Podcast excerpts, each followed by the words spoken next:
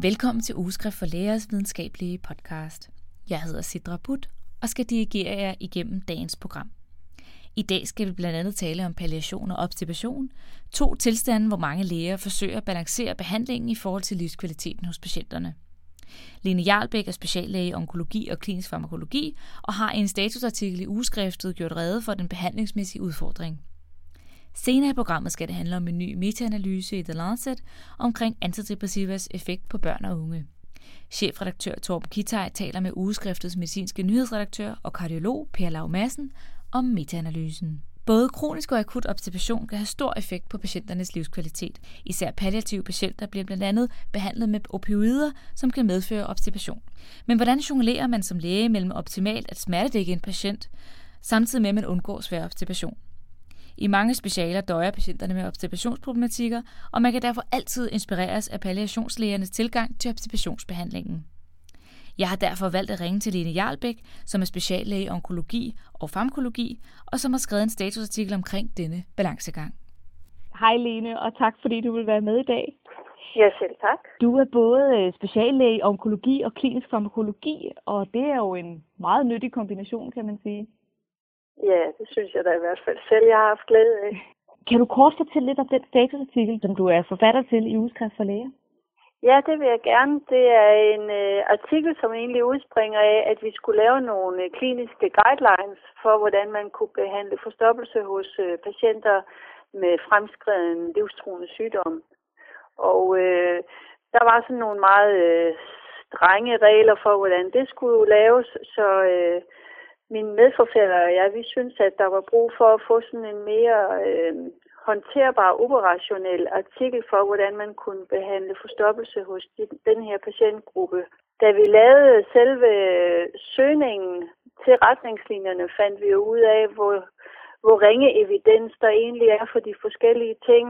Og det, der er interessant her, det er, at dels så er det jo så svært at slå op, øh, når der nu er så ringe evidens, og dels så er det en patientgruppe, som sjældent er blevet adresseret direkte. Der ligger jo sådan en, en hel del omkring behandling af obstipation sådan helt generelt, men der er nogle særlige forhold omkring de her meget syge patienter. Det var baggrunden. Fordi ja, det, det er klart, når man læser jeres statusartikel, så øh, er der flere gange, hvor der står, at det ikke er denne patientgruppe, der bliver omtalt, men vi mener at, eller tænker at. Øh, og, og det øh, bunder dels i, at øh, vi synes godt, at vi kan tillade os at ekstrapolere nogle af de ting, der står for, for de generelle populationer, og så øh, er vi alle sammen i forfattergruppen vant til at arbejde klinisk med, med de her patienter. Okay, så det er ud fra også ja. jeres egen kliniske øh, erfaring og observationer, og så sammenholdt med den evidens, der er med andre slags observationspatienter, at I så ja. Øh, ja. har taget udgangspunkt i det. Ja, okay. Nemlig. Ja. Men Lene, mens jeg sad og læste, så var der jo en del spørgsmål, der ligesom poppede op i mit hoved ja. som, som ja. kliniker, og jeg øh, arbejder på gynækologisk og fetisk afdeling, som er lidt mere kirurgisk baseret. Men der er jo flere forskellige måder at håndtere obstipation på. Selvfølgelig er der nogle øh, forskellige retningslinjer, men, men håndteringen handler jo også om det speciale, de fleste ligesom øh, arbejder i. Jeg sad og tænkte på sådan noget som smertestillende med naloxone inkluderet. Øh, Nej, jeg stoffer tror som nok. targin, øh, så targin er ikke nævnt. For det første så måtte vi slet ikke bruge, øh, hvad hedder det, salgsnavne. Okay. Og, og det, det ærger mig faktisk lidt, fordi vi havde lavet en rigtig øh, god tabel, hvor alle de forskellige salgsnavne var. For jeg synes, noget af det, som læge, der kan forvirre en, det er de her mange navne, som ligner hinanden, men som egentlig dækker over præparater, der har forskellige virkningsprofil. Nå, men lad det nu ligge for at vende tilbage til øh, Naxogin, Targin, øh, så øh, tror jeg nok, det kort er nævnt. Det er faktisk øh, lige præcis øh, naloxone, at det stof, der er størst evidens for effekten af. Altså hvor evidensen er bedst, til hvad man kan sige. Men det, man skal tænke på øh, her, det er jo opioidudløst obstipation. Og de studier, der ligger, og de retningslinjer, der er internationalt, de siger, at hvis man ikke kan komme igennem med konventionelle laxantia, til en opioidudløst forstoppelse, så kan man prøve de her præparater. Det tror jeg faktisk nok er nævnt kort i artiklen. Og, øh, Og det, som jeg synes, at vi fik ud af det, da vi gennemgik litteraturen, det var, at øh, har man en patient, som har øh, en opioidudløst forstoppelse, det skal man jo så lige have gjort så klart, mm. at man tror, det er det. Øh, og man ikke kan komme igennem med almindelig laxantia, så kan man prøve de her stoffer. Og, øh, og det er mest naloxone, som er studeret. Der er så kommet nogle flere studier på takken også. Men i forhold til naloxone, så fik jeg klart fornemmelsen af, at hvis man har en patient, man prøver det her præparat på, så vil der meget hurtigt komme en reaktion, altså en, en afføring, hvis det er sådan, at patienten er følsom for præparatet. Og man kan prøve en gang, og så virker det måske ikke, så kan man prøve en gang til øh, to dage senere, og så virker det måske heller ikke. Og hvis ikke det gør det, så tror jeg ikke, man får meget mere ud af at prøve igen. Så der er ligesom sådan en subgruppe af patienter, lader det til, når man læser litteraturen, som kan have rigtig god gavn af de her præparater. Men altså som sagt, når man har prøvet de konventionelle. Men kan, men, men kan sådan et præparat, altså jeg sad sådan og tænkte, smertestillende med naloxone, er det ikke sådan lidt, modarbejder det ikke hinanden et eller andet sted? Så hvordan kan, kan det være, at naloxone kan være målrettet tarm, jo, tarmkanalen? Ikke? Det er et meget interessant øh, spørgsmål, som der ikke er noget klart svar på. For, fordi øh, det er jo netop en antagonist til opioiderne. Naloxone den går ind og sætter sig på myreceptorerne og virker som en antagonist. Så det er lidt underligt, at patienterne ikke får smerter i samme forbindelse, men det har sådan set vist sig ikke at være sådan så er der nogen, der har overvejet, om det er, fordi det er en direkte påvirkning af myreceptorer i selve tarmen. Men når man for eksempel giver naloxone, så giver man det subkutant. Det vil sige, det kommer ikke via tarmen, det kommer faktisk indenfra. Så selve den der farmakodynamiske effekt, den er rigtig svær at forklare. Så det er egentlig empirisk, at man har set det. Men, men noget andet, jeg gerne vil sige i den forbindelse, fordi nu interesserer du dig øh, lige nu rigtig meget for opioidudløst forstoppelse. Og det er der rigtig mange i den her patientgruppe, som muligvis kan have. Men når de har en fremskreden livstruende sygdom, og her der er det meget tit kræftpatienter, så kan de have rigtig mange andre grunde til at være forstoppet. Og der virker de her præparater jo altså ikke. Virker kun på den opioidudløste forstoppelse. Så, så det er værd at tage med i overvejelserne, og det er også derfor, at det ikke fylder mere, end det gør i selve oversigtsartiklen. Ja, altså med altså realister og ja. øh, med videre. Ja, altså dem, hvad kan man sige, laxantia, hvor der er altså med fokus på naloxone, ikke? Jo. Hvordan, øh, kan du kort nævne altså de andre aspekter, når det handler om palliative patienter, som kan gøre, at de især bliver obstiperet ud over den opioid-udløste? Fordi det er jo primært det, man tænker, når man tænker palliation, ja. ikke? Ja, jo. Desværre så tænker man tit palliation som værende smertebehandling af døende kræftpatienter. Og det er det altså ikke. Det er så meget mere end det, men det er så en helt anden sag. Men i forhold til de her patienter, en del af dem, hvis det er kræftpatienter, kan jo have forandringer i deres buhul øh, omkring tarmene, som gør, at det kan være med til at forklare deres forstoppelse. Noget andet, det er inaktivitet, træthed, nedsat appetit. De magter ikke at drikke så meget, så de kan være dehydrerede. Og så kan der være nogle forskellige biokemiske årsager til, at de også kan være forstoppede. Nogle af dem kan måske have hyperkalcemi, som også giver forstoppelse. Så man skal virkelig tænke på, hvad kan være årsagerne til forstoppelse hos øh, den patient, jeg har her, når man lægger sin plan for forstoppelsesbehandling. Der er jo alligevel noget, og godt nok er det palliationspatienter, og de har ligesom deres egen profil, men kirurger har jo også problemer med forstoppelse, og patienter, som efter kirurgi eller efter indgreb kan være forstoppet. Og der ved man jo ligesom godt, øh, som regel godt, hvad den udløsende årsag er, men der er sådan lidt en tilbageholdenhed med, at at bruge nogle af de øh, løsningsmuligheder, du, altså I fremsætter i statusartiklen, synes jeg. For eksempel naloxone, øh, altså medikament med naloxone i, det synes jeg bare ikke, at man, at man ser så mange kirurgiske steder, i hvert fald, at der bliver benyttet. Men, men hvor mange steder tror du, man ser, at øh, man lægger en strategi for forstoppelsesbehandling på sine patienter? Det, øh, det ved jeg faktisk ikke. Nej, vel? Nej. Øh, hvor mange gange tror du, at du kan læse i journalerne, at der er notater, øh, som omhandler og vedrører obstipation hos patienten, andet end det bare lige er nævnt? patienten er obstiperet. Ja. Øh, og, og hvad skal vi gøre, hvis det her laxantia ikke virker? Det er meget sjældent, at jeg har set det i en journal. Og det er meget, meget tit, at både jeg selv og andre har sagt til sygeplejerskerne, det finder I nok ud af. Så, så i virkeligheden, så tror jeg, at noget af det, man skal tænke på, og noget af det, der også er mit mål med den her artikel, og, og vores, altså også min medforfatters mål med det, det er at gøre opmærksom på, at det her det er altså et problem, som er belastende for patienterne, og det skal adresseres, og det skal tages alvorligt, ligesom alle mulige andre problemer. I henhold til deres livskvalitet og daglige funktion. For, fordi øh, det, det er jo heller ikke ukendt, at patienter kan blive indlagt af årsagen obstipation.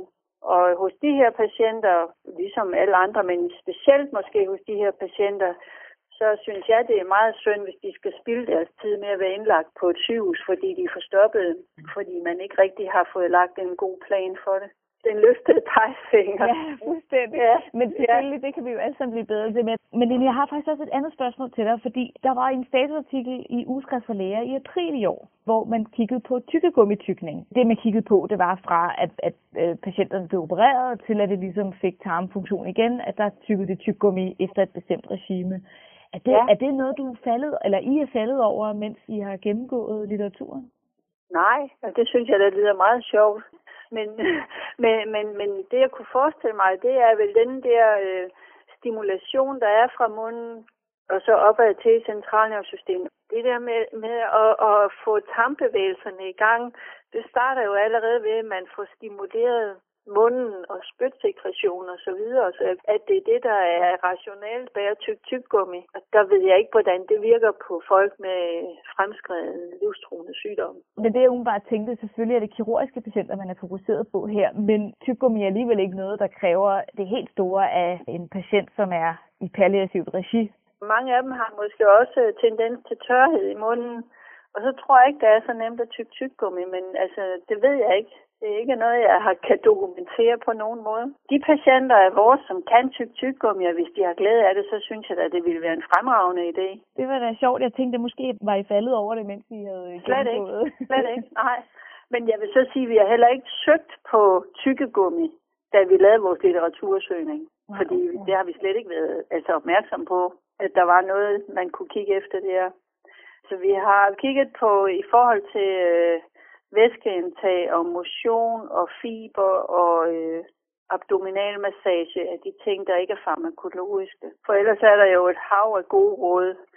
Jeg synes næsten det bedste råd, som er i artiklen her, det er, at man får sig øh, indført en lille skammel hjemme på sit eget toilet, og også gerne ude på toiletterne på sygehusene. Og det er noget, som ikke kun vedrører de meget syge patienter. Det tror jeg også, man kan have glæde af på kirurgisk afdeling. Ja, og det er det der med den anorektale vinkel og tømning af tarmen i en korrekt sidestilling, ikke? Ja. Jo, nemlig. Det tror jeg er rigtig vigtigt. Og, og det er da en sådan meget enkel ting at gøre. Så, så det tror jeg, man kan have glæde af, både på kirurgiske og medicinske og onkologiske afdelinger, og hvad har vi? Der er også mulighed for et lille studie med palliative patienter og noget typisk ja. måske. Ja, ja, det er ja. der. Ja. Men uh, Lene, du må have tusind tak for din tid. Jamen tak, fordi du gav mig mulighed for det her. Det synes jeg har været sjovt.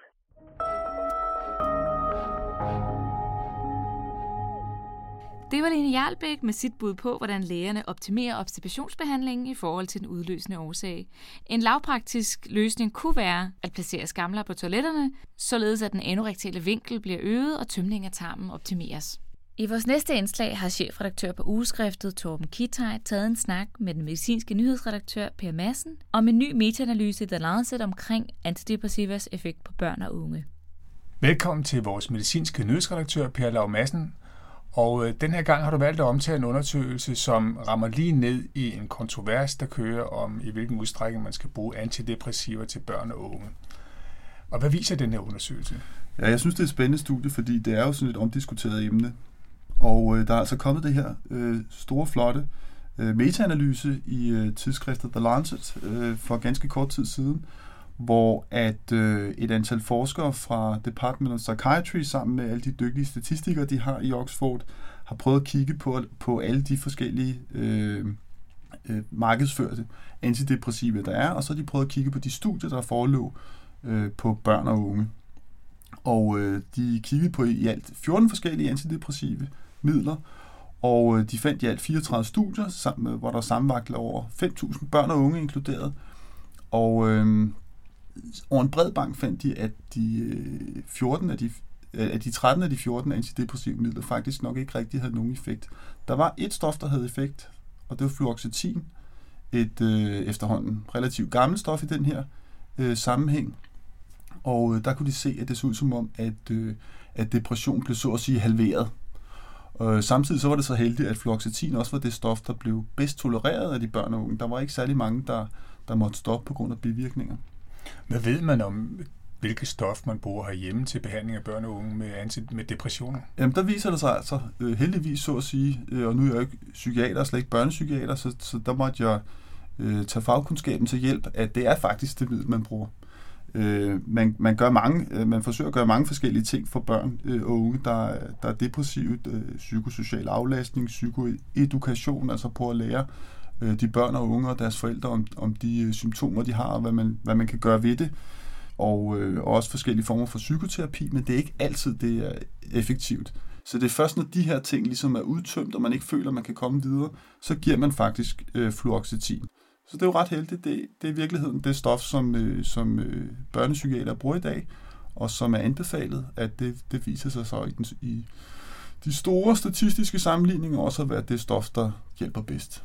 Hvorfor skal man bruge et særligt stof, når det handler om behandling af børn og unge? Er det ikke det samme konklusioner, man kan nå til, hvis det var behandling af voksne? Oh, det tør jeg simpelthen sige for lidt om. Jeg er kardiolog. Men den her undersøgelse, den afkræfter altså, at man ikke kan bruge, så at sige, øh, antidepressiver. Det, de virker altså, hvis man vælger et bestemt stof. Fluoxetin hjælper. Ja. Der er midler, der virker. Der er et middel, der virker. Men er det noget, som at det har åbenbart taget lang tid at nå frem til den erkendelse, at det her stof er det, der virker. Men sådan er det jo med videnskab. Altså, det er jo et spørgsmål om at, man, at øh, have tilstrækkeligt mange studier og, tilstrækkeligt, og undersøge det tilstrækkeligt godt, og, og sådan er det jo. Øh, der er åbenbart, de har åbenbart skulle igennem 34 forskellige studier, indtil de synes, at de har tilstrækkelig øh, kvalitet i studierne og tilstrækkeligt antal børn og unge med, før man ligesom kan sige noget konklusivt. Men denne undersøgelse, den kan man så sige, den bør jo et eller andet sted afslutte den diskussion, om der er en effekt af at bruge antidepressiva øh, til børn og unge. Ja, det ser det i hvert fald ud som om, der er, hvis man benytter fluoxetin. Har du indtryk af, at blandt danske psykiater, at der er tvivl om, at man skulle bruge for det stof her? Øh, nej, det har jeg egentlig ikke. Altså fagkundskaben på det her punkt, de har allerede brugt fluoxetin i forvejen, men, men nu har de i hvert fald bedre videnskabelig øh, backup til at gøre det, om du vil. Tak skal du have.